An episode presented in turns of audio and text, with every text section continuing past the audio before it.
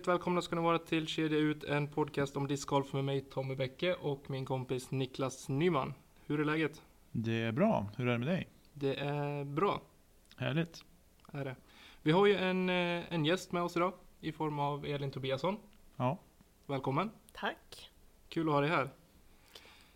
Innan vi kör igång med, med Elin så vill vi bara annonsera ut vinnaren av eh, förra veckans giveaway med, med Robin. Och det var Viktor Enefjord som tog fram den vinsten.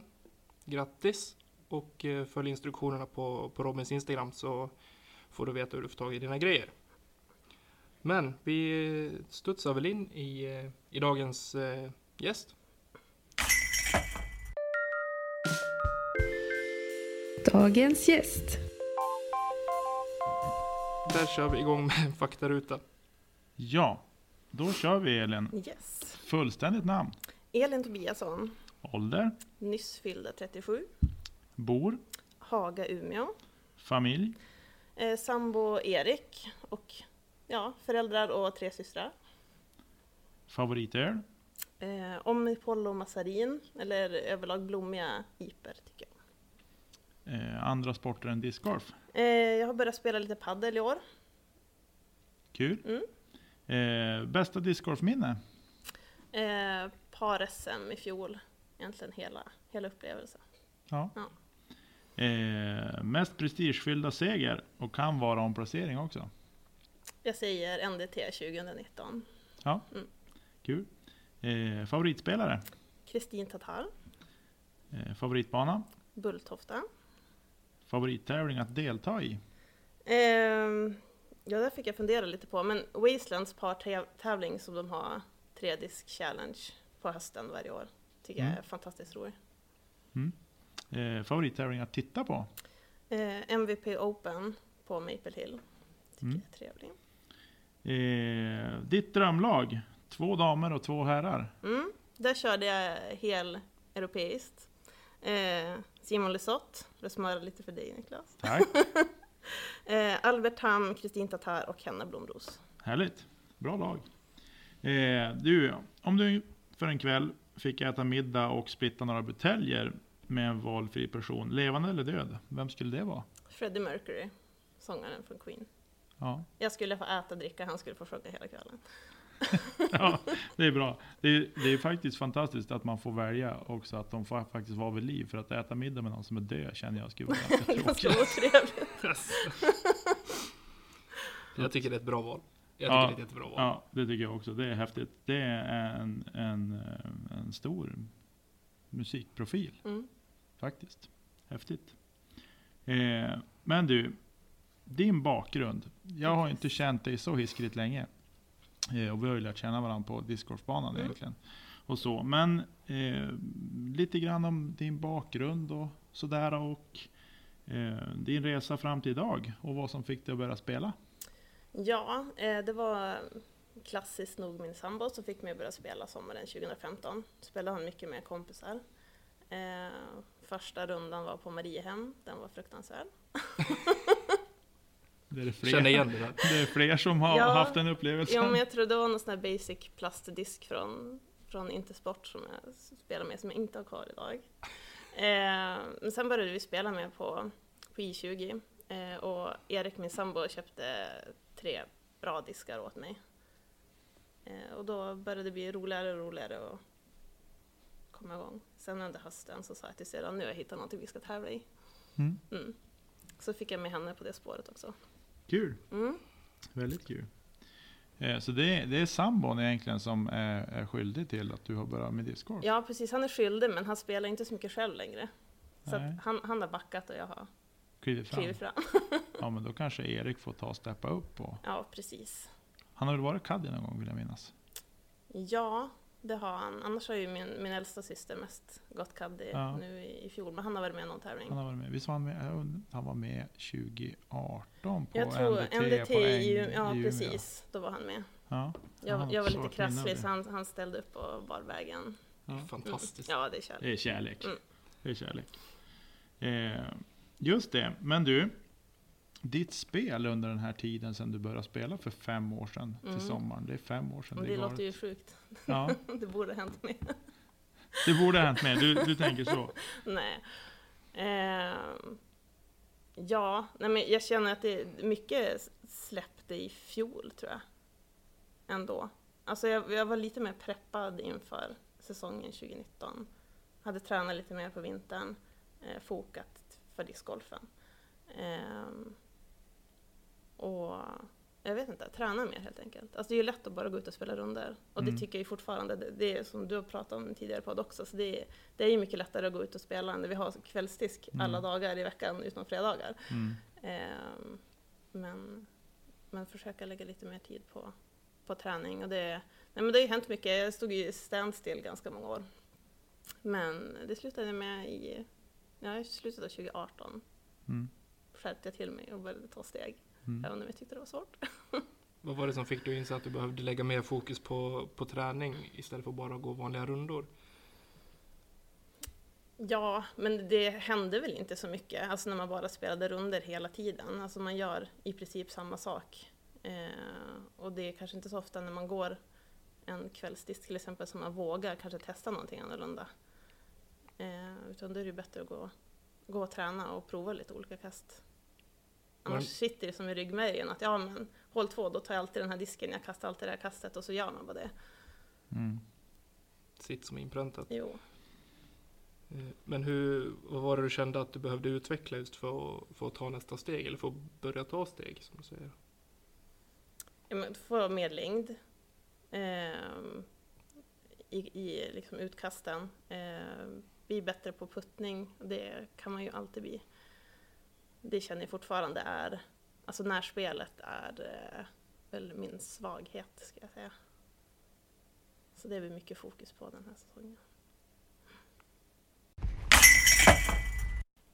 Har du lagt eh, någon större fokus på, på puttspel och, och inspel nu under den här vintern? Nej, det har jag inte. Utan det har varit mer alltså, träning på gym. Alltså typ träna styrka, träna rörlighet, eh, träna kondition. Eh, för att få till mer den fysiska biten. Och så, jag har inte riktigt något bra ställe att stå och träna på på vintern. Och, nej, det får komma om, om någon månad. Man får lägga fokus på det som är viktigt. Jo, precis. Just det. Men du, eh, jag tänker så här. Eh, du har ju varit och spelat SM, Mm, bland annat. Eh, jag tänker, vi, jag och Tommy mässade om det häromdagen. Att det här med att vi har inte så hiskeligt många Norrlandsspelare med på SM. nej. Upplever du samma sak som faktiskt har varit där? Jag, jag ser, tittar ju mer liksom i listan, spelarlistan på resultat och sådär. Så säger jag, det är inte många namn där som man, man känner igen som kommer från Norrland. Och jag tänker, ha, eh, är det liksom att vi har det klimat vi har här uppe, tror du? Som, som Det kan ju det? absolut påverka. Alltså jag känner, jag blir jättefrustrerad när man ser bilder söderifrån nu, folk är ute och spelar i gröna skogar. Ja, är inte Eh, ensam. Nej, precis. Eh, nej, jag, vet, jag tror det var några Härnösandsspelare som jag vet var med Mm. på SM också. Men sen, vi har ju mycket tävlingar här. Jag tycker vi är ganska bortskämda med våra Norrlandstour. Mm. Eh, Ja, både alltså Norrlandstouren i sig, men Mm. även lokalt i Umeå också. Mm. Där vi, precis som du var inne på tidigare, att vi har fem eller sex tillfällen i veckan som vi faktiskt har folk som är med och tävlar på veckodiskar. Mm. Och det är ju alltid mycket folk. och sådär Mm. också. Eh, och det kan jag tycka för både gott och ont med sig. Mm. Det är ett privilegium att ha så pass många tillfällen för de som kanske inte kan med varje gång utan att man kan välja ut de, de tillfällena som, eh, som passar. Mm. Eh, men jag tror att i längden för de som verkligen vill bli bra så är det en annan väg man kan behöva gå. Som att stå men kanske ensam i några timmar och bara träna inspel. Som Niklas återigen är väldigt eh, high på, på att pressa på. Eh, istället för att gå de här rundorna som kanske egentligen i längden inte gör någonting eh, för sin utveckling. Nej precis, det blir mer en social trevlig grej än att det kanske blir som en träning. Mm. Definitivt. Ja, du, eh, höjdpunkter under karriären? Ja men det är ju mitt och Pernillas brons i par-SM var ju fantastiskt roligt. Mm. Alltså hela den, hela den helgen, eh, från att vi, vi åkte ner och visste som inte riktigt hur vi skulle stå oss mot de andra. Vi var ju lägst ratade paret. Mm. Eh, och vi ledde ju efter första rundan. Mm. Eh, sen var det ju, runda två var samma dag och det var ju 30 grader. Jag tror att vi åkte från ett 10-gradigt Umeå till ett 30-gradigt Malmö.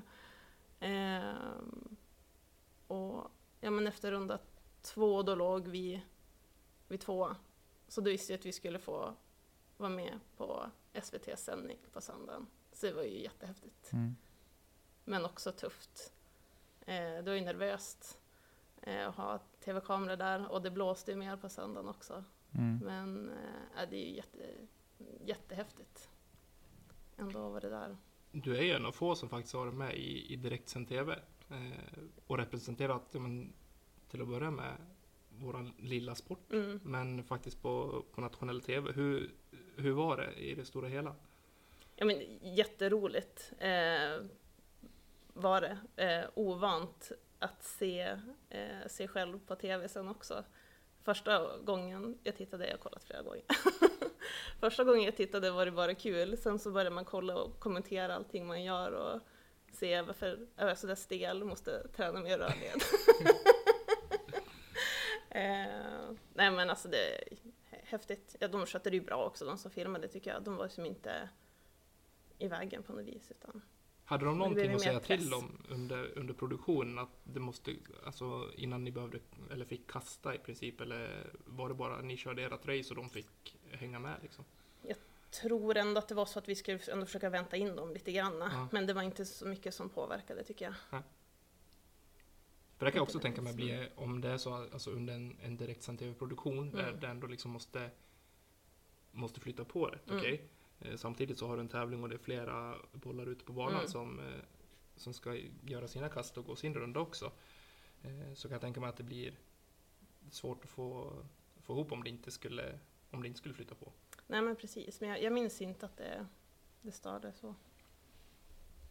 Jag tänker att det är ett visst påslag också av eh, Dels av nervositet kanske, Ja, men även att man vill liksom att varje kast eh, ska tänka igenom ska tänkas igenom ordentligt liksom, innan man beslutar. Och speciellt på ett, i ett par-SM. Mm. Eh, nu vet jag inte hur ni spelar, vad det var för regler som gällde på par-SM. Var det... Alltså första, första rundan var ju modified best shot. Ja, Eh, För Och- de som inte vet vad det Ja. är, vad innebär det? ja men då, eh, man får ju använda samma spelares utkast, max två hål på raken. Mm.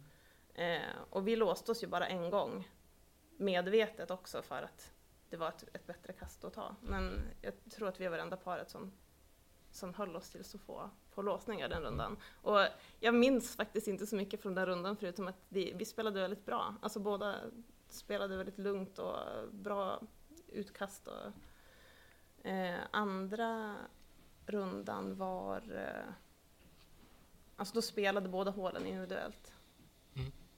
Och så gick man på best score, heter det kanske. Best score? Ja. ja stämmer. Eh, och så sen söndagen var ju best shot helt enkelt. mm. Så vi trodde ju att ja, men nu, nu smäller det. Det gick ju så bra när vi hade modified, men det var, det var tungt ändå. Vi var ganska ja, men trötta och nervösa. Och det märktes, märktes också i kropp och knopp.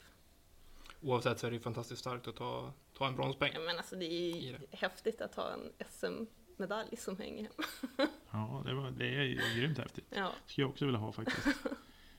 eh, just det. Men du, eh, om vi tittar lite grann på, på hela fjolårssäsongen. Då. Mm.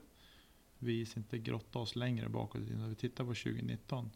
Eh, hur sammanfattar du den från start till mål? Så där, nu fick du ju ditt, S- ni fick ju ert SM-brons, Mm. men jag tänker i övrigt eh, med Norrlandstouren och, och den biten. Alltså Norrlandstouren började ju otroligt roligt för mig. Eh, det var ju i Härnösand, som Mm. första tävlingen var i maj. Eh, och andra rundan eh, var min första, den var över 900 rating. Och jag låg på, vadå, 797 i rating då tror jag. Eh, och det roligaste då var att jag slog mig själv med 22 kast tror jag var, från 2018 Mm. den tävlingen. Så att då kände jag som ändå att det var en bra, bra start på säsongen. Extremt bra framsteg alltså. Ehm, sen, jag menar överlag, jag tror att, alltså jag, Norrlandstouren för mig är, är mycket, alltså jag tävlar ju mot mig själv från tidigare år. Och jag tror att nästan alla deltävlingar så slog jag mig själv också från, från 2018. Mm. Så att det, det kändes jättekul. Det blir som ett, då får man liksom eh, svar på också. Har det hänt någonting men i mitt spel sen, sen tidigare Mm. också? Ja, det är häftigt. Eh, men sen Härnösand eh, så slog du sen tidigare. Hur gick det totalt i tävlingen? Vad slutade du? Jag slutade ju etta. Du vann, du Ja. vann Härnösand, just det. Ja, det är dålig research på mig. Jag ber om ursäkt för det. Eh, och sen efter Härnösand så var det Luleå kanske? Ja, det tror jag. Eh, I juni? Ja, Början på precis. juni var Luleå. Ja. Ja. eh, den gick inte lika bra. Alltså Luleå är den bana jag tycker är tuffast på Norrlandstouren. Det- Jag har ju inte spelat Sundsvall eh, eller Boliden Nej. eh, eller Skellefteå på touren. Men jag har ju spelat på terminalen Mm. annars. Åkt dit med kompisar och spelat. Eh, så jag kan inte uttala mig om de banorna. Men jag tycker också att Luleå är riktigt tuff Mm. som bana. Men den är även väldigt rolig att spela. Jo, den, den är väldigt rolig. Så men det är otroligt mycket träd. Väldigt mycket träd. Långa hål. är ganska oförlåtande. Det, det är tät skog också. Så att Mm. rå- råkar du komma lite utanför fairway då, då får du kämpa för att komma tillbaka. Den är ju lite, i 20 svart är ju, är Mm. ju ungefär likadan. Att man blir straffad Mm, om man inte ligger på fairway. precis. Så att säga. Jag Just det. tycker att eh, Luleås bana är bland de roligare på våran Mm. tour. Eh, och spela just för, ja, men som du säger, det är, det är en tuff bana. Mm, men man blir också belönad när du, när du spelar rätt och när du lyckas med dina kast. absolut. Eh, vilket för mig personligen ger en, en väldigt självförtroende-boost. Jag minns, att jag har gjort nog en av mina absolut bästa runder när jag gick tillsammans med dig 2018, tror jag att det var. Eh, under första rundan där. Och tyckte att det var jättekul för jag upplever att banan var väldigt, väldigt svår. Mm. Eh, men ja, det, det är väldigt upp och Jag är taggad på revansch. Det är nog alla som åker till Ja. Luleå och spelar igen Precis. faktiskt. Eh, Ja, men det det, är en det är ju väldigt fin nästan bana. en, en bana jag skulle vilja ha i, i slutet på säsongen. Om man såg liksom hur det var i, i, i fjol så hade jag bättre självförtroende för de här mer smala skogshålen i september än vad jag hade i, i juni. Mm. Ehm, får se om det hållit i sig. Ja, det är ju timmarna Ja, med jo, men det kastande som, som oftast visar sig under säsongen. Mm. Man kastar lite längre i augusti än vad man gör Mm. i juni och eh, hela den biten. Och man är lite, har lite mer självförtroende på, på kasten. Och, Ja men precis. Och Sen har, jag har ju som bytt ut bagen lite grann också. Jag kastar väldigt mycket lätta diskar. mm, Jag gjorde hela armen 2017. mm, Eh, och, och efter det spelade jag med mycket airdiskar. Men nu har jag börjat byta bort dem sakta men säkert. Jag har några kvar men mm. eh, och det har gjort skillnad också. Alltså, det är inte lika vindkänsligt. Och, Nej, det är det som är med airdiskarna. Eh, de är ju, är ju väldigt känsliga för Mm. vind. Det är inte, alltså de är ju verkligen superkänsliga. I medvind eh, kan jag använda dem. mm, då man, det är ju en bra medvindsdisk om man inte har så mycket fart i armen. Tänker jag. Precis. Att man vet lite grann vad man får. Men, mm. Men eh, är det minsta sidvind eller motvind så är det ju dömt att misslyckas. Jag har några lite mer överstabila lättare och de, de funkar lite bättre. Men, men annars, det får gärna vara vindstilla och det är sällan det är det på våra tävlingar. Mm. Såklart. Ja. Eh, Luleå.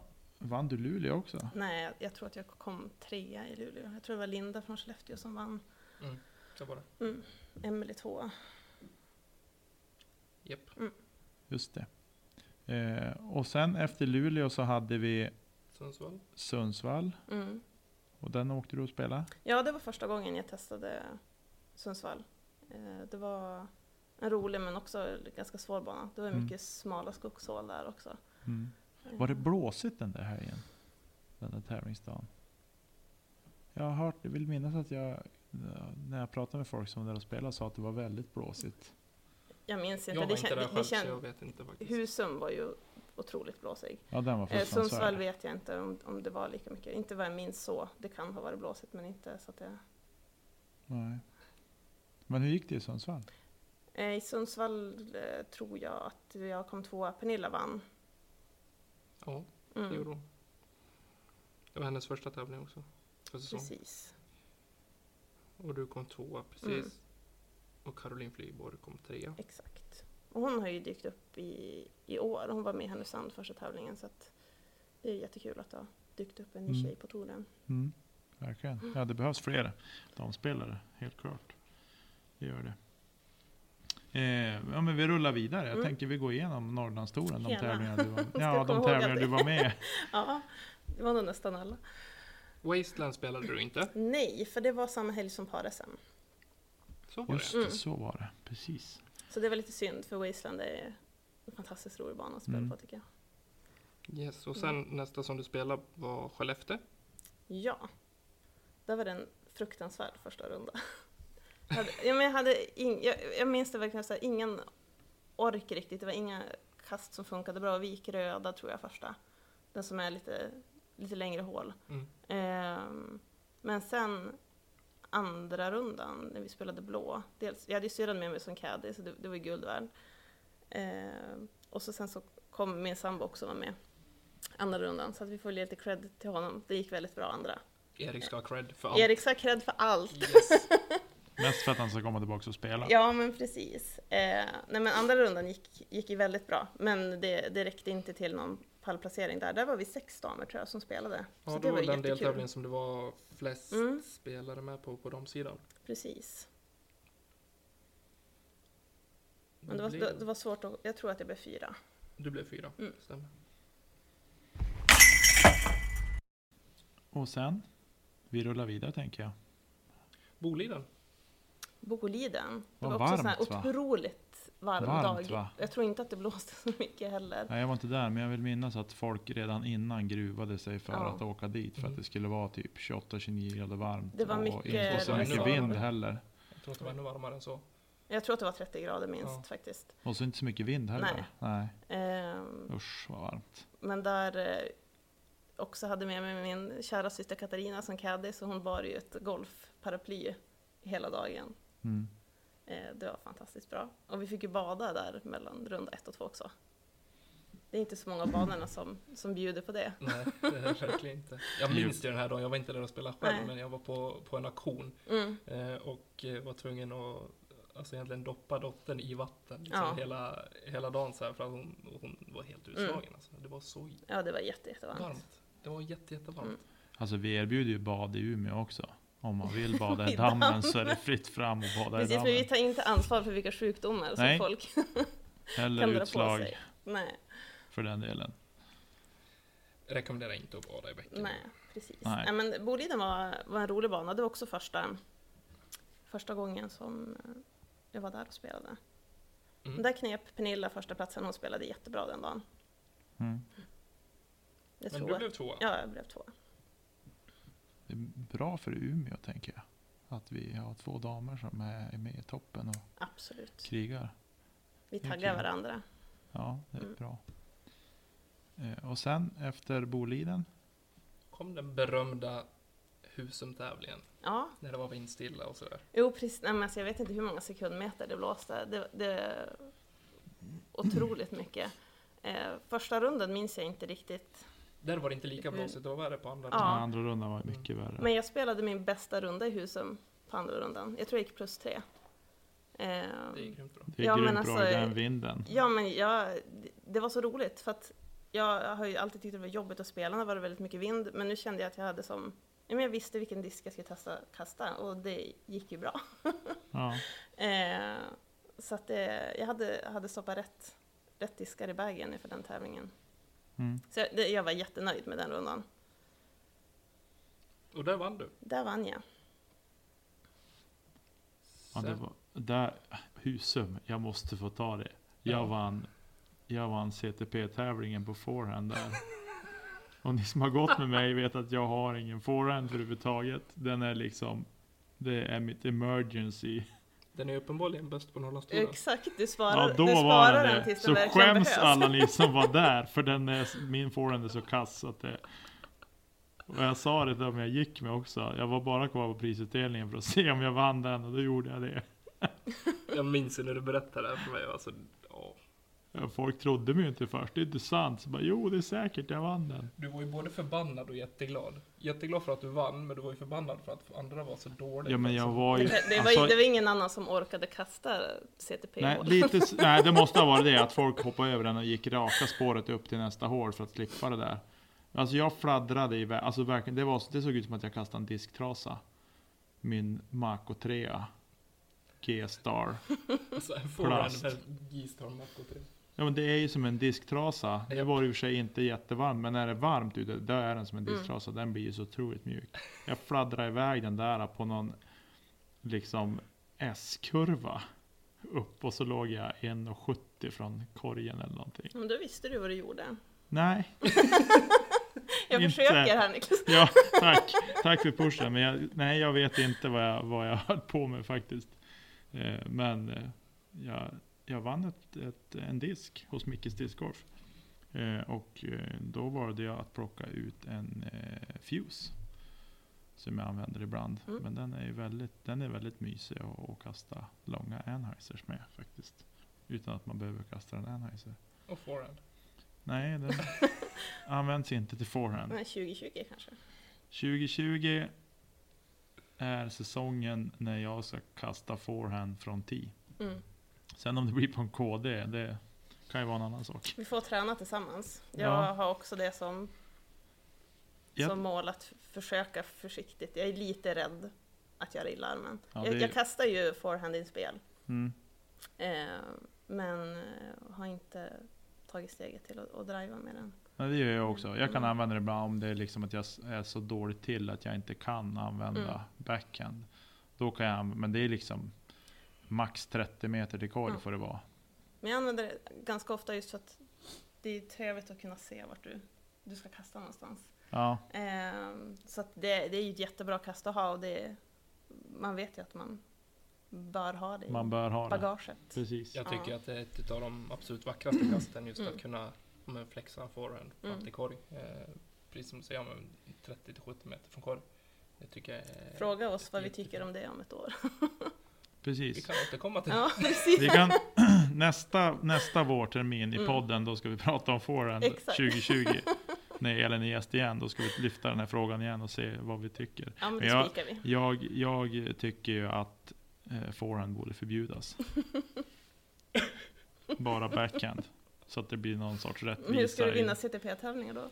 Nej, men jag står gärna tillbaks. Okej. Bara för att vi ska plocka bort eh, forehand. för att andra ska ha en chans att vinna.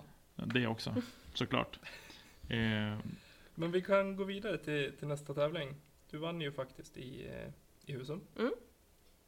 Som du sa. Och eh, sen var det Vännäs. Ja, Näst sista tävlingen på NDT-säsongen. precis. Och jag tror att det var där det egentligen avgjordes. Så att fram till den tävlingen så var det ganska öppet vilka som, eller vem som kunde vinna totalen.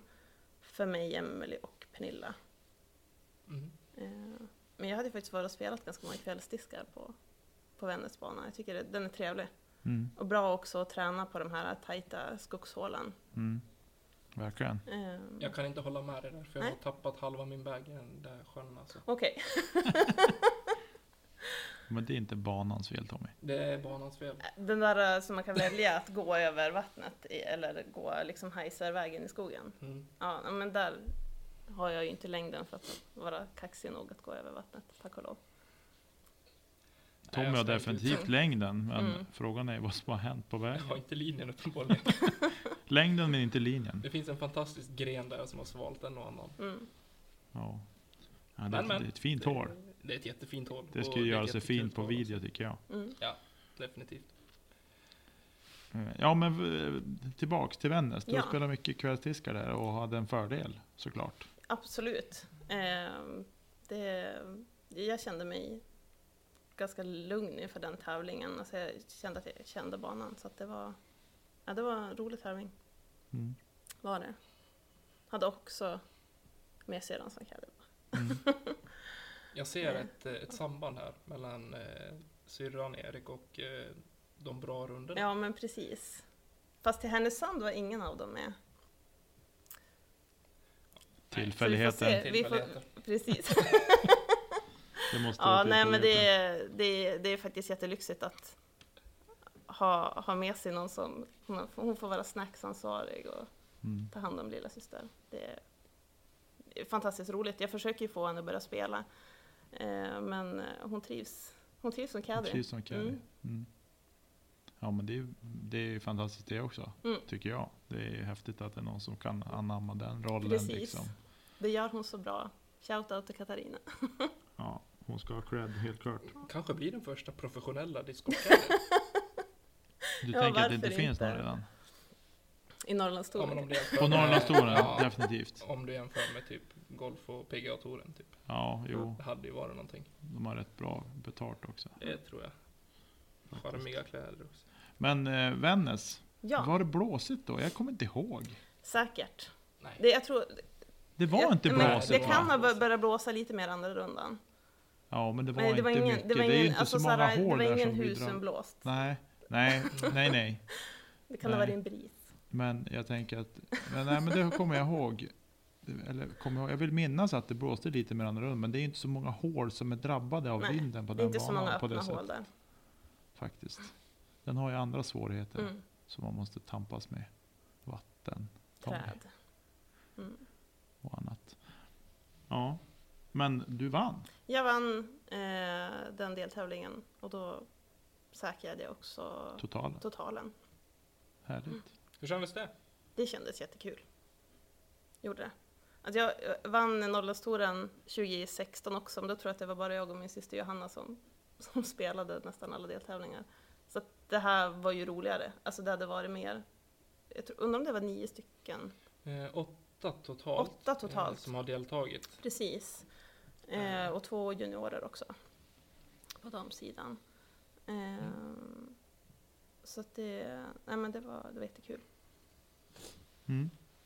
Sen avslutades ju touren i Umeå. Ja, Hemmabana. Hur tyckte du det var att spela på våra två banor? På Norrlandstouren? alltså tänker jag. I20-banan har ju spelat så otroligt mycket så där, där var jag missnöjd över min första runda. Jag vet inte vad jag, vad jag gick. Ehm, men jag trodde det skulle gå bättre. Jag tror jag och Pernilla spelade lika eh, första rundan. Om du har. Ja, den är ju... Och där, där, då var det också, det var, det, det var lite blåst, om vi ska Mm. skylla på blåsten nu. Men vi hade bra väder, Det var jättebra vill jag väder. minnas. För vi käkade lunch ute. Mm. Kunde sitta ute och det var inte...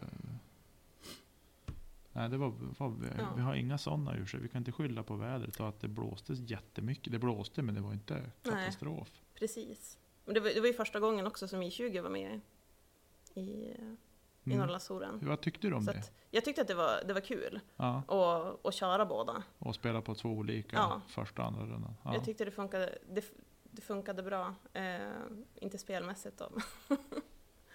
det var Nej. kul att båda var med. Mm. Kul också att fler liksom då får testa I20-banan. Ja, den var ju rätt två. Mm. utslagsgivande första rundan. För- Åtminstone, f- ja precis, på, för openfältet För openfältet så var det ju en del. vart en del separationer Mm. faktiskt. Och spelare som man eh, trodde skulle hålla ihop det bättre där än vad de gjorde. Eh, också. Vi behöver inte nämna några namn, men, men eh, jag blev själv väldigt förvånad när jag såg resultatet Mm. efter första rundan. Eftersom att det vart en del diskussioner när vi bestämde oss för att öppna upp startfältet till 144 deltagare Ja. och spela den banan. Eh, som är en väldigt eh, bra nybörjarbana. Mm. Ska tilläggas, det är inte så långa hål. Jag tror längsta hålet är väl 130 meter eller något. Mm.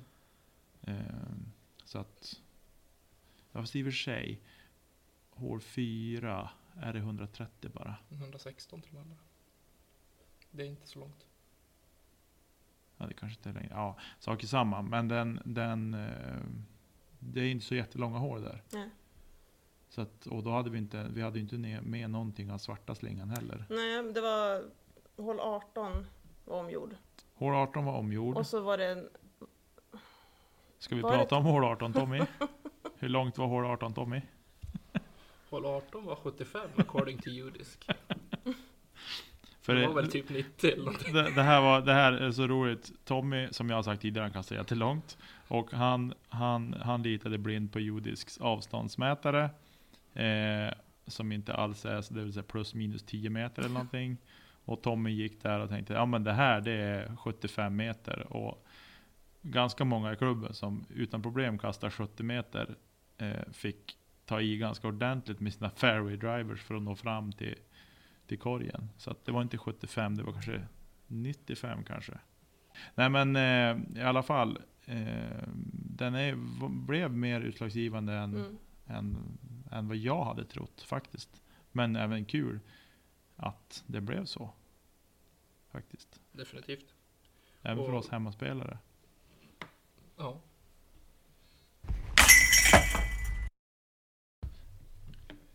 Yes, det var NDT-säsongen. Eh, och du, du och Pernilla gick eh, lika första rundan på, Precis. på I20. sen tror jag att hon slog mig med ett kast ja, på Mariehem. precis. Ja. Stämmer, Så du slutade Så- på en andra plats på den deltävlingen. ja, precis. Och tack vare hennes vinstar blev hon tvåa i totalen. Så att vi var båda nöjda. Ja. Ja. Men Pernilla hon spelade, vad sa, hur många deltävlingar var hon med på? Vann hon alla hon var med i? Nej, eh, hon vann, vi, jag tror vi hade tre, tre stycken hundringar var. Så, alltså tre vinster Tre var. vinster var. Eh, men i Skellefteå tror jag att hon kom femma. Ja just det. Mm. Det blev en sån. Det var något Eh, sånt som Hon separerade. hade Ja, två tävlingar precis. som var lite sämre. Mm. Mm. Ja, vi får prata mer om, om Pernilla. Vi hoppas att hon ska vara med i podden. Jag tror att, vi Det har tror jag- att det hon är att hon tillfrågad vill. och att jag tror att hon har tackat ja också. Mm. Jag har inte koll på, vi har så många som vi har frågat så att vi har inte, inte lätt att hålla koll på alla. Eh, men du, eh, nu har vi avhandlat SM och Norrlandstouren. Eh, och vilket då för oss direkt vidare in på säsongen 2020. Ja. Eh, vad, vad har du för mål för 2020? Tävlingsmässigt tänker ja, jag. men då. precis. Eh, ja, men som jag sa tidigare, jag vill ju slå mig själv på alla Norrlandstourtävlingar som jag kan vara med i år. Jag tänker försöka spela så många som möjligt, men det, det blir ju många med nio stycken. Jag tror att det var tre stycken som blir under semestern, så vi får se vilka det blir. Men, eh, nej, men slå mig själv från, eh, från i fjol. Eh, Vilken bana tror du blir tuffast att, att slå dig själv på? Om du ser till fjol. Ja. Spontant vill jag säga Luleå, men eftersom det har gått så dåligt tidigare år så kanske den lättast att slå mig själv på. Ehm, men Härnösand kan bli tuff och Husum kan bli tuff för att de gick väldigt bra. Mm. Har du planerat några tävlingar utav, alltså, för, inför 2020? Eh, jag och eh, Pernilla ska spela par-SM igen i Västervik, Mm. där i maj. Så det blir jättekul. Och så såklart SM på hemmaplan. Det blir ju otroligt roligt. Det blir det. Ja,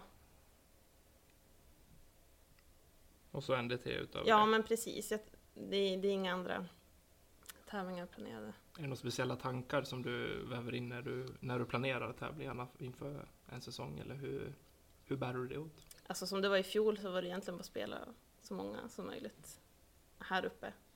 Ehm, det skulle vara kul att fara och spela lite mer söderöver också, men behovet har inte riktigt funnits när vi har haft så mycket, mycket tävlingar här och mycket kvällsdiskar. Och det är inte så att det går någon nöd på en. Nej, verkligen inte. Verkligen inte. Eh, just det. Men så du, du har inte spikat mer än, mer än SM och lag-SM? Eller par-SM? Par-SM. Nej, Du känns ju Inte så. självskriven. Om vi skickar ett lag till lag-SM så känns du ju självskriven. En dam i, i laget, ja det skulle vara spännande. Jo, men jag tycker det. det. Du och Pernilla tycker jag kan åka gott och väl. Ehm, just det. Men kul ändå att ni satsar på, på par-SM igen. Ja men det ska bli jättekul. Och, Eh, och kul också, att, eh, vi spelade ju SM där i fjol. Mm, Så att vi har ju, har ju gått där på, på Alviken och den var ju jättefin. Mm. Och då var den ju ganska färsk. Så att det kan ju ha hänt lite mer. Lite mer nedtrampat. Och, Ja men precis. mm. Eh, nej, men det ska bli jättekul. De har fina banor i Västervik. Mm. Har de, Har de många fina. banor i Västervik? Det är två va? Jenny också, men den ska väl försvinna. Jag tror de ska bygga bostäder där. Okej, ja, jag ska Eller låta där det osagt. omkring. Jag mig att Klassiskt. Ja. Förstår inte varför om ska det man där så fel. sätta, ska sätta livhanken till för det. Eh, Någonting som också är nytt inför 2020 är att du har gått med i Mickes discgolf. Ja, Vill du berätta lite mer? Nej, men det känns ju jättekul. Eh, ändå ett, ett steg uppåt att eh, ha en sponsor. Så det, nej, men det ska bli jätteroligt. Grymt. Är det många damer på, som är med i Mickes? Jag tror att det är tre, men jag vågar inte spika det. Vi säger tre, fyra. Grymt. Vad, I övrigt då med, med Mickes, vad, har du några krav på dig själv utifrån det? Eller hur, hur ser det ut? Kraven kanske ökar, ökar lite. Det är som... Ja, men det är lite mer press på mig själv får jag ju. Men det känns bara kul. är det du som lägger den pressen eller, eller är det Micke som... Ja, mycket stenhård.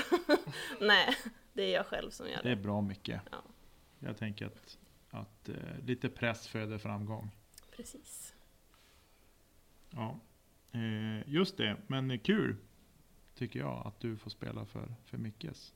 Verkligen. Micke är ju en skön kille som Absolut. har koll på diskar och Mm. annat. Vilket tur det är med tanke på vad han håller på med. Ehm, du, jag tänkte fråga dig en fråga som vi hoppade över här lite. Ehm, hur har du förändrat ditt spel mentalt och fysiskt? Ja, den där är jag också fundera på. Jag tror jag har mer förändrat det fysiskt och försökt träna mer för att hålla kroppen ska hålla, Mm. helt enkelt. Eh, och och när det kommer till det mentala, jag, jag håller mig ganska mentalt lugn så länge jag är mätt och har ork kvar att spela. Så det sitter ofta ihop om jag känner att jag liksom börjar bli tröttare eh, kanske under andra rundan, då kan liksom det här mentala komma in och, och spöka. Annars så håller jag humöret ganska bra. Det ska mycket till innan jag tappar humöret på, på banan. Det är den... Ja, det är det jag har sett av dig också på banan, att du, att du är väldigt, väldigt lugn. Eh, vilket jag behöver ta efter också eh, i mitt spel. Det är inte det lättaste alla gånger, men eh, precis den bilden som, som man får det från, från sidan också, att du, att du kan hålla dig väldigt lugn och jag tror att du har mycket att tjäna på det. Och precis som du säger, att det fysiska går ihop med det mentala. Mm. Att klarar man av att hålla kroppen i, i fräscht eh, i fräscht trim och eh, hålla sig mätt på banan så Ja, tror jag att precis. man kan eh, komma långt på det. Definitivt. Tränar du någonting specifikt för discgolf? Eller är det mer liksom eh, grundträning? Det är, mycket, det är mycket grundträning, men sen jag kör lite så här disc golf strong Mm, övningar, mycket för rörligheten mm. och lite balans.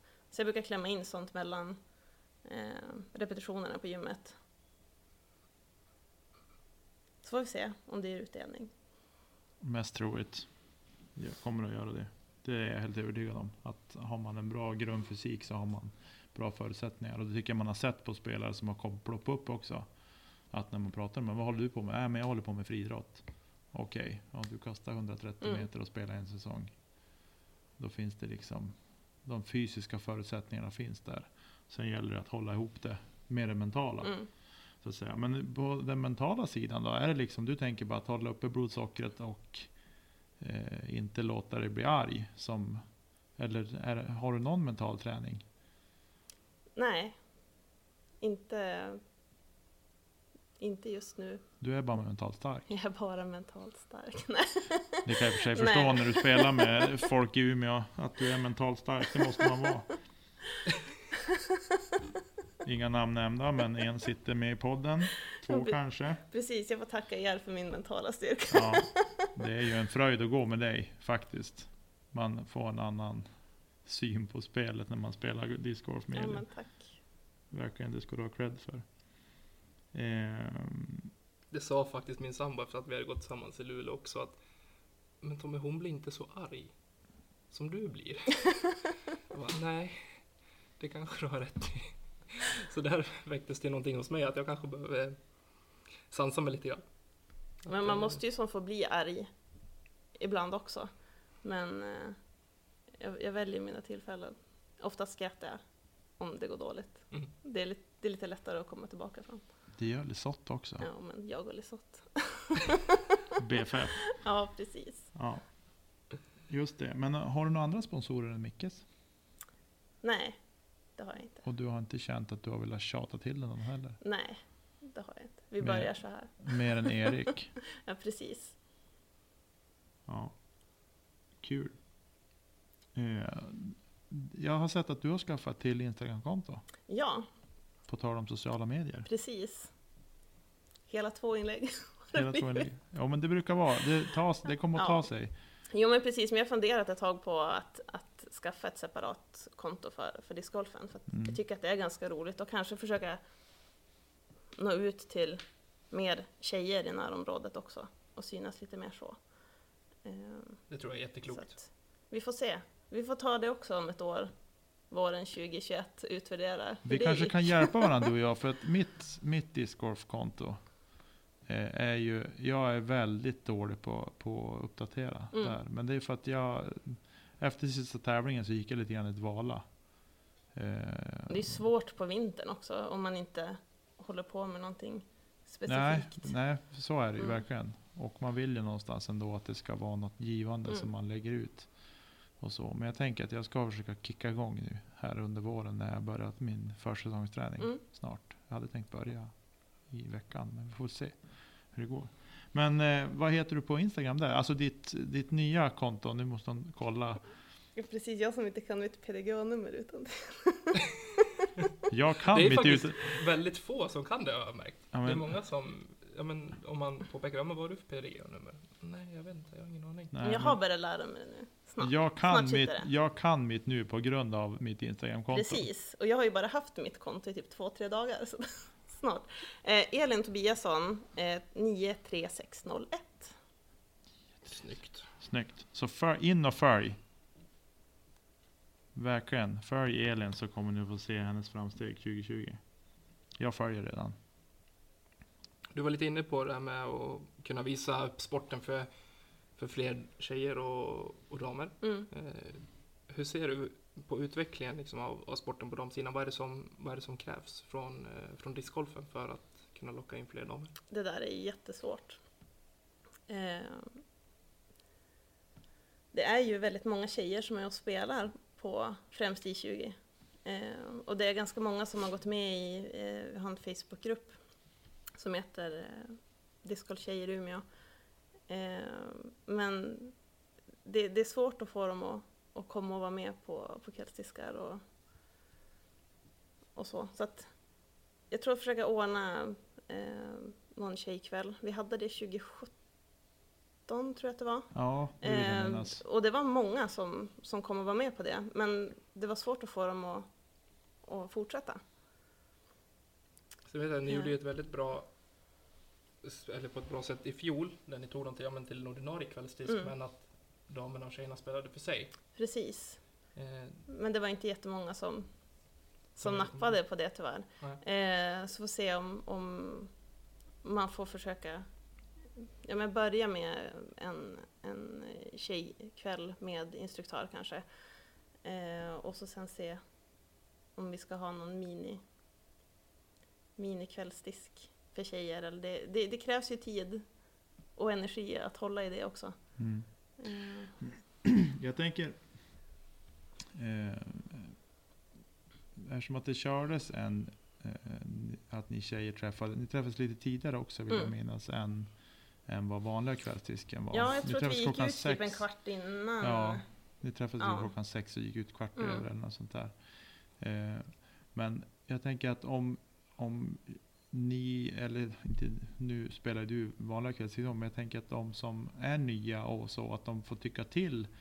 När vill ni spela? Mm. När skulle det passa er? Att ni får liksom bygga er egen verksamhet så att man får igång Absolut. spelandet. Liksom, att man kommer igång och att man känner att man kan behärska och kasta ordentligt. Och, för det är, jag kan tänka mig mycket det som är att det är tufft att ta sig in i sporten Mm. för att man tycker att man kastar så kort. Eller att Jo, man inte har koll på allt, Och- vilket är förståeligt. Och det där vet jag ju som själv när- när jag började, men jag tror jag bestämde mig ganska snabbt att mer tävla mot mig själv. Eh, Jag var jättenervös när jag gick på min första kvällsdisk. Mm. Eh, Men nu tycker jag att det är hur roligt som helst. Och jag tävlar ju fortfarande mot mig själv. Och Mm. slår jag någon av killarna, då är jag bara nöjd. Ja. Jag tänker, det är, ju, det är ju otroligt bra. Och jag tänker att det är nog så alla borde tänka. Mm. Att man ska slå sig själv varje gång. Mm. Eh, Och jag vet att många tjejer också känner lite det här, ja men det är så många kast jag måste kasta, alla ska vänta på mig. Men jag har ju som aldrig upplevt att det är någon som blir irriterad över en sån sak på våra kvällsdiskar. Alltså det, det finns inte. Jag tänker så här. Att, och det har jag tänkt på själv ibland också. eh, När man har spelat med, med folk som behöver fler kast på sig på en runda. Att man själv kanske blir irriterad över att man kanske kastar ganska långt men snett. Mm. Att man har nästan lika långt kvar till korg. Men man kastar så mycket längre än dem. Eh, och sen kanske man, ja, men man kastar i på fyra kast på en par tre och de kastar i på fem kast. Eh, och jag går omkring och är jättearg och de är superglada att de kastar i på fem kast. Mm. Att det också kan vara avskräckande på något sätt. Mm. Eh, att man är så på olika nivåer. Men eh, jag tänker att samtidigt som vi som har spelat mycket ska klara av att hantera och spela med någon som är sämre. Så Absolut. tänker jag att de måste kanske också tänka att eh, vi spelar mot oss själva. För jag har inget problem att gå med folk som, som eh, behöver många kast på sig. Jag, tycker, jag tänker bara själv att ja, men jag har själv varit där Mm. en gång. Det är det man måste komma ihåg. påminna sig själv Ja, om. komma Mm. ihåg att jag har varit där. Men jag har tränat för att bli bättre. Ehm, och det är ju det här som är så svårt. Och det är ju svårt inom alla sporter. Att få dem att fortsätta Mm. och känna att det kommer att ge någonting och det kommer att bli bättre. Precis. Och alla tycker ju inte att det är roligt att tävla heller. Nej, Eh, Så det är ju också en grej. Jag tror att det, ett stort ansvar ligger på oss som har spelat men längre. Nu är jag absolut ingen veteran i, i sporten, men jag tror att fortfarande så ligger det stora ansvaret på oss hur vi beter oss och agerar och Mm. hur vi välkomnar nya Absolut. spelare, oavsett om det är tjejer eller killar. Absolut. Eh, och speciellt juniorspelare. Att vi kanske någon gång, ja men ska vi gå en plojrunda tillsammans någon, ja men en ledig dag eller vad som helst. Att vi kanske, ja men ser, är det någon som är ensam ute och spelar, ja men bjud med Mm. den killen eller tjejen med och spela.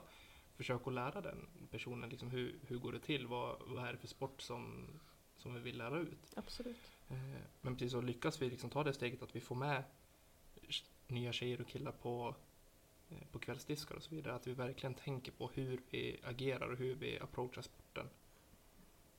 Precis som Mm. Niklas är inne på, att det ligger mycket i det. jag undrar. Är det många som har efterfrågat träning? Jag, ställde ju den här frågan i, i, i gruppen vi hade lite liksom, men vad, vad vill ni?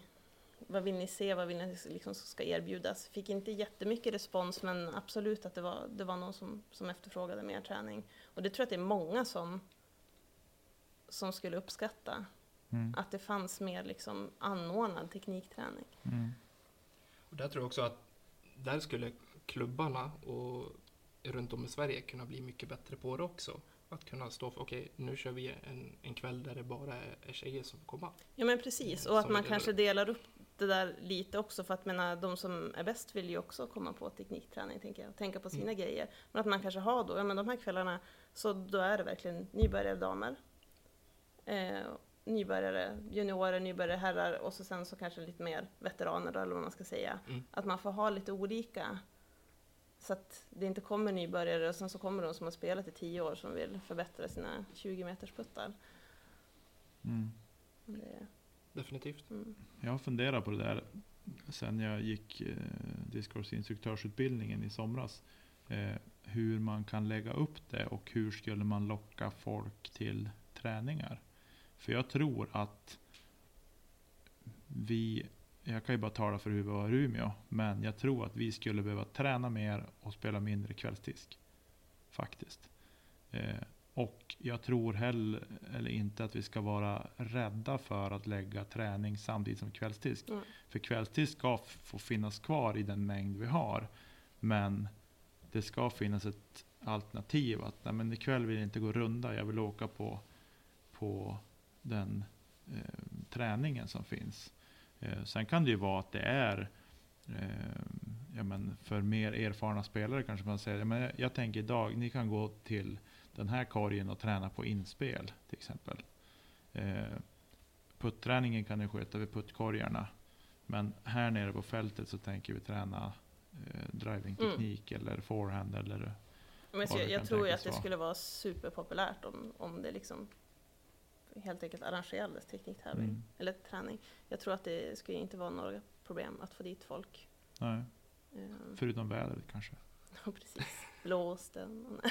Ja. Det är ju en fördel. Blåser det mycket så är ju te- teknikträning bra. För då ska man ju Absolut. träna på vad du gör i kastet. Mm. Då har ju inte eh, flykten på disken samma eh, betydelse. Tänker jag så. Om man ska titta rent på, gå ner på själva rörelsen i kastet. Eh, sen, kom, sen blir det ju per automatik att när man börjar nöta in de här rörelserna man gör. Att man vill se att ja, men nu kastar jag 10 meter Mm. längre. Eh, såklart. Det har jag Men- faktiskt börjat tänka lite när man, när man går på en kvällsdisk och det är eh, inte så bra väder. Det regnar jättemycket eller det, det blåser jättemycket. Då fokar man, men jättebra, nu får vi träna regnträning. Mm. Eller träna liksom i, i, i blåsten och liksom bara se det som så. Det, visst, det kommer inte bli någon, någon jättebra runda men Nej, du var ju grymt positiv på första kvällsdisken Ja. på I20 svart. Kom då ju Tommy. jag minns bara, ja men nu kör vi. Jag bara, vad gör vi här?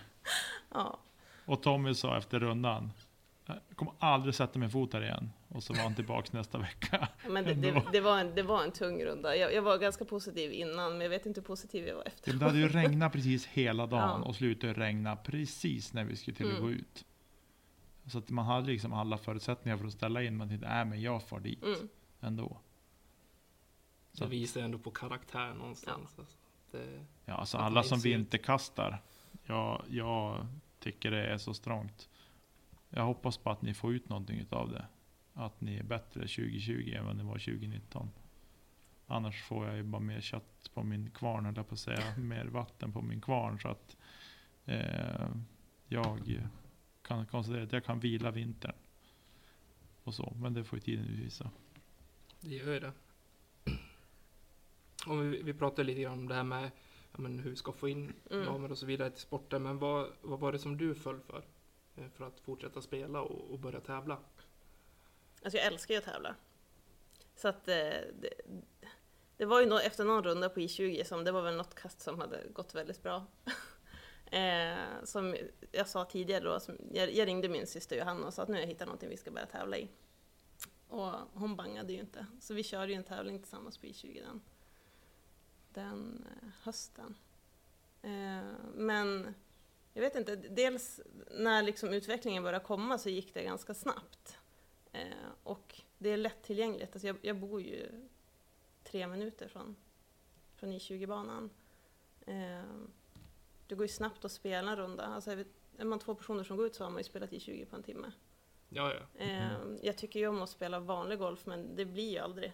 För att Det tar det tar inte den tiden. Eh, Så att, eh, nej men eh, tillgängligheten, att det är otroligt roligt, tycker jag.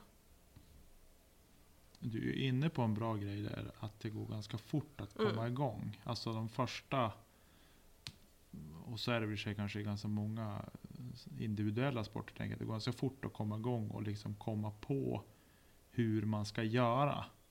Eh, men det är ju sen när, liksom, när man har kommit till en viss nivå i längd på kasterna, man har liksom lärt sig eh, hur man ska göra sin ansats för att träffa av den linjen och så.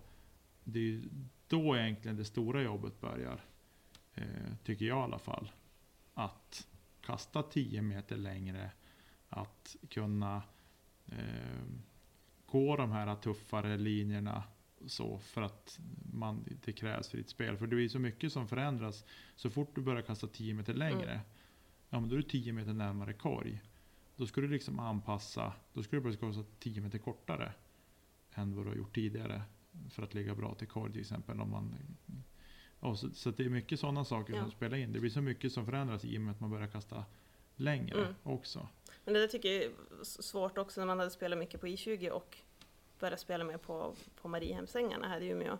Att I20 är ju väldigt mycket, det, det är drive, putt, kanske ett kort inspel. Eh, Mariehemsängarna är ju mer, du ska ju kasta långt, Mm. så långt du bara kan. Och sen kan det vara ganska långa inspel också. Mm. Så helt plötsligt där så kommer en, en distans som jag inte alls är van vid än. Jag har ju försökt spela med på Mariehemsängarna. Mm. Ska ju definitivt göra det med nu det här året. För det är, eh, det blir ett annat spel. Mm. Men vad... Om du, alltså om du får säga så här då. Eh, vilken bana tycker du är roligare av I20 och ängarna? I 20 absolut. Alltså jag, jag, Varför? jag hade ju inte, jag hade inte kommit igång och spela om det inte hade varit för I20-banan. Nej. Eh, Ehm, men jag tänker, vad, varför är I20? Är det för att det är kortare hål? Att det är Den lättare är mer bördevänlig. Ja. Det är roligt att få birdies. Ja, precis, det är, precis. Jag har funderat på det där. Vad är det som liksom... Och vi har diskuterat det här någon gång Mm. också. Vad är det som gör att I20 är så vansinnigt populär? Som den är. Den var väl, 2018 var det väl sjätte populäraste Mm. banan i hela världen. Mm. Eh, och 2019 så var, är det någon liknande. Men jag tror det också, det, det går ju väldigt snabbt att gå. Det är ju väldigt korta distanser mellan liksom Ja. korg och nästa tee. Precis. Eh, det tar ju lite längre tid att spela Mariehemsängarna. Ja, det är mycket gå. Mm, Väldigt mycket gå på ängarna. Även om det är också en fantastisk bana så är det mycket mer gå där. mm.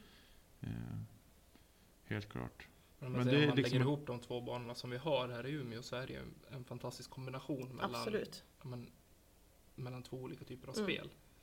Eh, där du på, på I20 måste vara ganska eh, bra på din speed control. Och på, på Mariehem så måste du ha längden. Mm. Mm. Det skulle vilja, man skulle vilja flytta några hål från I20 till ängarna och vice versa. På ett sätt. Mm. Jag skulle vilja göra det i alla fall. Men, men eh, det är jag. Och det är inte många som tycker som mig.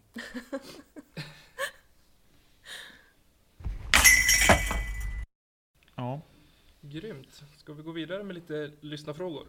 Spännande. Ja, jag tänker jag hoppar in egentligen mitt, eh, mitt i här. Vi har varit inne lite på det. Eh, och då är det Micke Pettersson som skriver Fråga gärna hur Discgolf Sverige ska bli bättre på att få ta in och ta hand om tjejer och damer. Eh, är hans första fråga. Vi var inne lite grann på det, hur vi ska kunna få in fler tjejer till, till sporten. Men tror du att vi kan bli bättre på att behålla de damerna som har provat på och som har börjat tävla? Och hur vi ska kunna ta hand om dem på ett bättre sätt? Jag har ju funderat på det här om, om man ska ha fler klasser i Norrlandstouren, även om vi är så få damer ändå som är med och spelar, så kanske det skulle vara enklare att få, få nya att komma och spela om det fanns en amatörklass för damer Mm. faktiskt. Så det, det tror jag skulle kunna hjälpa. Även om det är bara en eller två då som, som kommer i den så är det en eller två mer och det är ju jättekul. Definitivt.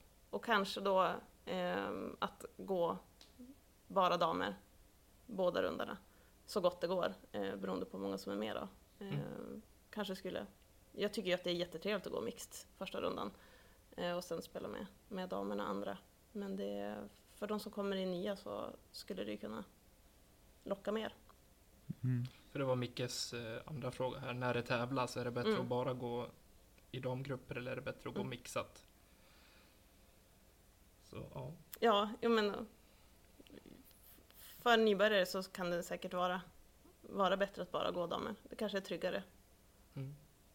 Så Det finns ju som ett självklart svar på det här, det är jättesvårt. Det är så individuellt tänker jag. Ja, Att, jo, men det är ju det. absolut. Att det kanske, att hela dagen kan ju förstöras. Om, för det är så olika också beroende på hur, vilka man hamnar Mm. med tycker jag. Det kan, jag kan själv påverkas av det. Att vilka jag hamnar med på min första runda. Kan tyvärr definiera hur dagen kommer att bli. Mm. Eh, tyvärr. Jo men det, det gör ju mycket, alltså, man, man märker ju snabbt om, jag menar, är, går jag i en grupp nu där man kan skämta lite mer, ha lite mer lättsamt, Mm. eller är det eh, väldigt liksom fokuserat och seriöst och man ska helst inte prata alls. Det, det påverkas ju av mycket. Jag Mm. vill ju ha det ganska lättsamt. Mm.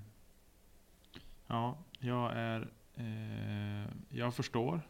Men jag... du håller inte med? jag nej, jag, nej, det får stå för dig. Mm. Tänker jag. Eh, och, eh, men jag är lite mer så här att jag... Jag, jag pratar gärna. Det är Mm. inte tu tal om det. Men det blir liksom... Jag har gått ibland vissa runder när det har talats om att de nästan höll på att acea det här hålet på, på träning och liksom, Det kan bli för mycket prat. ja, Ja, jo men det, det hå- håller jag med också om, vi ska hitta det här lagom. ja. Eh, Och jag är faktiskt ganska ointresserad Mm. av att höra vad folk har gjort på träningen inför tävlingen, faktiskt. Så jag pratar gärna om helt andra saker också. men nu, nu vet ju alla det. Nu vet alla det. Så spelar ni med mig, så prata om allt annat än om eran träningsrunda. Jag håller med dig där Niklas. Eh, Jag, jag tycker också att det är fantastiskt skönt att ha en grupp där det är en lättsam stämning och man kan ja, men, lägga bort kanske discgolfen på rätt sätt Mm. mellan hålen. Eh, Men jag upplever att blir det för ja, men, flamsigt och för ja, men, ingående att man springer runt och, och skrattar och skämtar om allt och ingenting mellan, mellan hålen så eh, då påverkar det spelet, Mm. åtminstone för mig, negativt. Mm. eh, gör det. Sen vill jag absolut inte ha det så att ja, men folk, det är bara tyst och man eh, knappt vågar säga sin Nej score. men precis. Eh, för då går man och, eller jag i alla fall, jag går och Mm. tänker på det också. För i stort sett, jag är ganska social av mig så också. Eh, så jag, skulle, jag vill gärna liksom byta några ord mellan, mellan olika hål också. Sen är det ju alltid så, olika människor kommer gå ihop. Eh, Ja, men det är det. Man får ju känna av olika också. stämningen lite grann och, och, och hitta liksom vilken balans det ska ligga på. För jag tycker också så här, ja, men när det väl är dags att kasta då vill jag att det ska vara, vara tyst. definitivt. Det har jag väldigt svårt för när folk står och viskar eller småpratar när det är dags att, att gå på tee. Mm. Men det är mer kutym tycker jag, Mm. då är man tyst. Ja. Här ska någon till och driva så från det att de kliver upp på plattan eh, och gör sig redo för sitt kast, då ska man vara tyst. Jag har ju blivit mer känslig för det Eh, sista tiden. Mm. ja, men jag tycker att det är lite respektlöst, faktiskt. Mm. Att inte kunna vara tyst. Eh, sen är det ju så här, liksom, jag menar, är det en bra drive eller eh, så, så kan man ju säga det då. Om jag personligen är så här, nej, säg ingenting. För det där är ju också så individuellt, speciellt om man spelar med folk som man inte känner heller. Jag har ingen aning om vad de tyckte. Nej. De kanske tyckte att det var den sämsta driven de gjort på Mm. länge. Så bara, ja men bra drive! Så bara, Det där kan jag säga, det är, är svårt. Eh, för mig märker jag oftast, alltså om jag, om jag spelar på en bana som jag kan väldigt bra, jag, jag vet vad jag förväntar av mig själv. Eh, och så får jag iväg ett kast som jag inte alls är så nöjd med, det var inte dit jag ville komma. Men då är det ju ändå godhjärtade personer i ens närhet som bara "Ah, men gud vad bra, jätteduktigt” och liksom så här, så ska höja det på något vis. mm. Och jag känner bara nej. Nej, jag tycker det är jättesvårt. Jag men det tycker är att det jättesvårt. är svårt. det är också så här, man vill peppa, men ska man försöka läsa av den personen då? Mm. Nej, det, ja, Nej, jag tycker det är svårt. det är svårt. Jag gillar det inte. Så här, bra kast. Ja, jag ligger bakom trädet där. Jag Kommer ska komma ihåg det bra- nästa gång vi spelar, ska jag kolla på det, ska jag fråga, tycker du att det där var ett bra kast? Det är kanske är så vi ska bemöta det här. Jaha, hur kändes det där? Vill du utvärdera det? Vill du utvärdera det här innan jag säger en kommentar om ditt kast? Jag tycker att det såg väldigt bra ut. Är du mottaglig för feedback? Exakt. Ditt tekniska, Rundorna, rundorna kommer så att ta 100% längre tid. Precis. vi ska prata så det mycket. tekniska genomförandet i din rörelse och ditt X-step var fantastiskt bra. Men, Men din second lie här, den är inte bra. Nej. Nej kommentarer undanbedes. Mm. Faktiskt. Eh, ska vi rulla vidare med en eh, till eh, lyssnarfråga? Det tycker jag. Eh, vi ska se här. Det trillade bort. Eh, pep, pep, pep. Jo. Anders Ankan Kristiansson. Eh, och det har vi pratat om redan. Eh, men vilken disk eh, kastar du helst? Jag har två favoriter i vägen just nu, eller slutet av 2019-säsongen. Eh, och det är eh, en Stag VIP från Westside och en Mål Opto från Latitude 64. är Just mina go-to-diskar. Eh, och vilken är din all time favorit då? Men jag läste den där frågan och jag vet inte riktigt om det menas det en disk eller menas det en spelare. Eh, Jag tolkar det som disk. jag tänker att det är en disk Ja. eftersom att den kommer direkt efter. Då ska jag säga att jag har ju typ tre, fyra Stag Air som jag har kastat jättemycket och jag har fortfarande kvar två av dem i, i bagen. De har räddat mig många gånger. Du vet vad de gör, så Ja. att säga. Han, hade, han frågade även hur hittade du discgolfen och vad fick dig att satsa på Mm. den? Men jag tänker att det har vi Det har vi pratat om gjort. ganska Mm. avhandlat redan. Så du får nöja dig med det som jag har sagt tidigare. Eh, Elina Rydberg undrar, hur länge har du varit aktiv och vad är dina mål för 2020? Det har vi också Mm. pratat lite grann om. Eh, Jag kan lägga till ett, ett mål, det är att du ska ju inte ha något ratingmål i år hörde jag. Nej, Men, men jag, över 850 mm. har jag tänkt. Ett lagom, lagom mål. Bra mål. Mm. Jag tror att det är nog det, det, är nog det bästa för att pusha sig själv. Mm. Alltså, även om startfältet påverkar ju sin rating såklart. Absolut. Men att för den individuella sakens skull så är ju ratingmål väldigt bra. yes. Avslutningsvis har vi Viktor Enfjord som eh, frågar om dina förberedelser inför tävling. Det är en intressant fråga tycker jag. Mm. Mm. Eh, jättebra fråga. Om man ska se till, till, till bagen så brukar jag diska mina diskar. Mm. Okej, då, då kommer en följdfråga på det. Tvär- Diskmaskin eller nej, handdisk? Handdisk såklart. eh, Inför varje tävling. det beror ju på skicket på dem också, men har man varit och spelat mycket på Wasteland, vi har ju stugan ganska nära, Ja. eh, då kan det vara mycket damm på dem. Så då brukar jag diska, låta dem torka över natten så att de liksom är rena in i bagen. Eh, fylla på med bra snacks, viktigt. Eh, och så sen beror det ju också på vad det är för tävling, är det en bana jag har spelat mycket förut eller inte. Men jag brukar kolla igenom om det finns en caddybok. Det ska ju finnas. Ja, i de flesta fall. Oftast gör. Ja. Plugga den lite grann. Eh, och är det de här tävlingarna som, som inte är i närheten utan man får och sover över, då blir det oftast att man spelar några träningsrunder innan. Mm. Just det. Mm. Eh, brukar du lägga upp en egen caddybook för vilka diskar du ska? Jag Eller är det för varje Jag har försökt det några gånger. Eh, men jag vet inte hur mycket, jag brukar nog inte hålla mig så mycket till det. Jag, jag kan börja väldigt ambitiöst. Att jag liksom kollar liksom hålet i, på, ja, men enligt caddyboken och bestämmer mig hur jag ska göra. Sen när jag väl står där, då kan jag lätt få för mig någonting annat. Mm. Jag är ganska impulsiv. Jag också. Jag har testat det. Mm. att ha inför. Alltså man sätter sig kvällen innan eller ett par dagar innan och tittar i caddyboken. Har man spelat där så liksom funderar man bara, men hur var det? Och så. Och sen välja, försöka sätta ihop vilka diskar som och även hur, om det blåser. Mm. Jo men precis. Det påverkar en hel Det är ju stor skillnad på, på vilken disk man ska välja. Om det blåser mycket och från vilket håll och, och lite sådär. Så det Eh. gjorde jag med sen när vi var nere och spelade första NT'n i Kalmar eh, i fjol. Eh, samtidigt som jag gick för alltså, träningsrundan och så skrev jag ner om här har jag valt att spela den här disken, vilken min det var och så vidare. Men just under tävlingsrundorna så var det ingenting jag gick tillbaka och tittade på. Eh, så för mig funkar det i princip inte. Eller jag la inte ner den energin på det för att jag kände att ja, men jag har två val här. Okej, det blåser från det hållet. Då är det den här disken Mm. som gäller. Istället för att behöva rota fram mobiltelefon och så vidare. Så Det är nog väldigt individuellt det där tänker jag Mm, också. det Det, kan vara också. bra att ha någonting som en gameplan att trilla tillbaks på. Men jag kommer inte att köra med det under 2020. Nej, det är inte mitt mål. Nej, inte mitt, mitt mål är att undvika, undvika en egen caddybook. Ja, precis.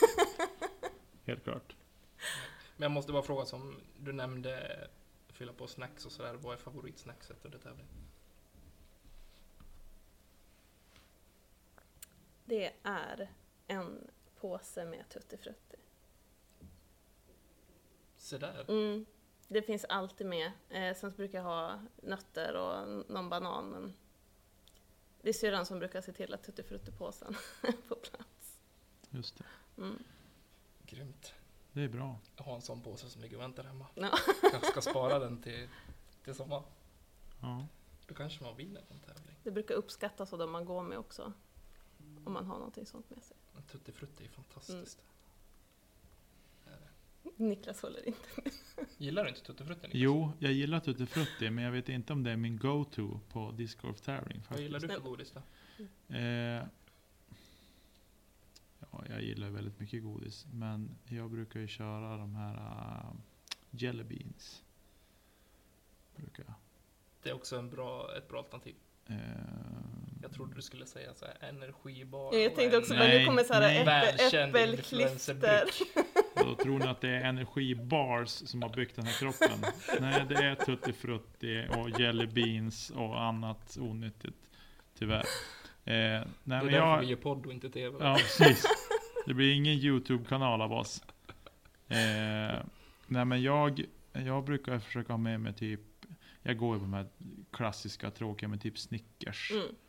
Brukar jag ha med mig ut. Och så, och så jelly beans, mycket vatten. Eh, Resorb. Eh, har jag inte provat, men jag, nej, men alltså, som det var i Boliden till exempel.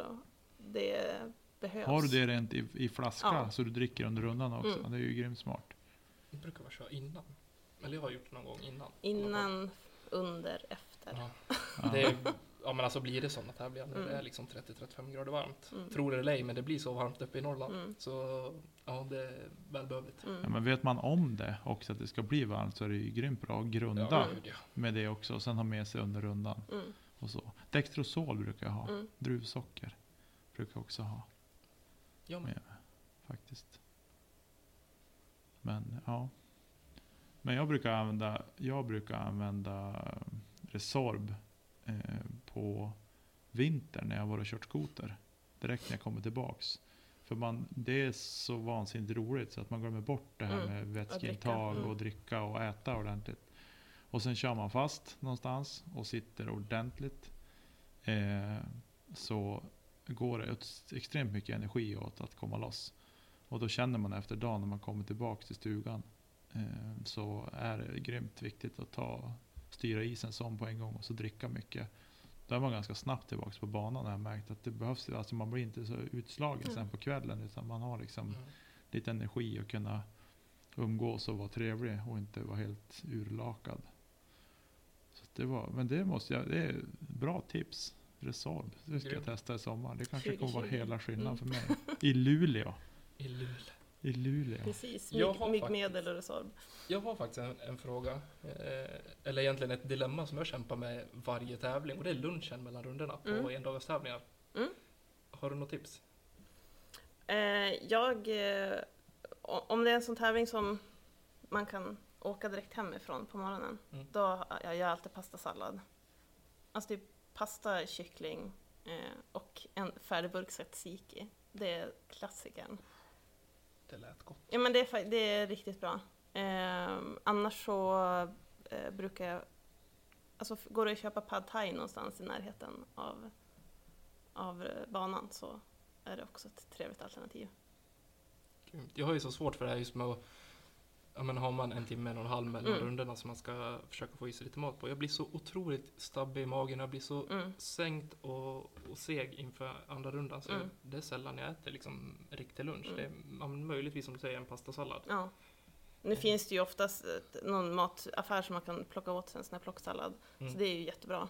Men jag pallar ju inte att fara och käka hamburgare eller en pizza, så då skulle jag ju, då sover jag i andra rundan. Lite så känner jag också. Ja. Det blir inget bra. Nej, mer pastasallad.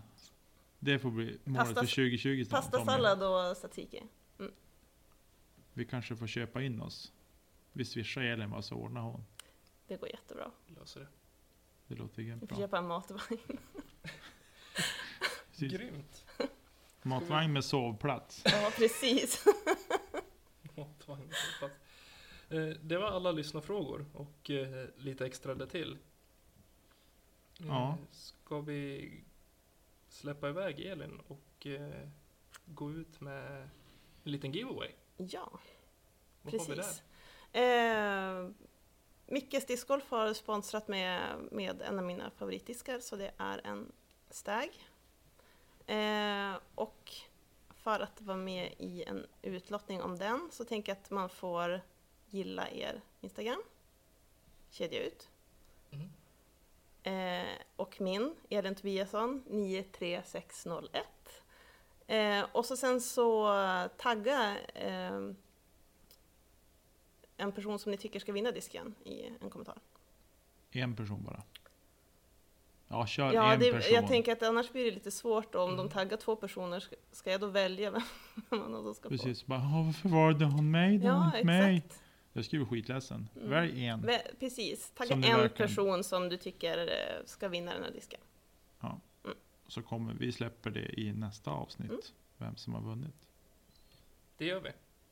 Grymt. Har vi några sista visa ord att gå ut på Elin?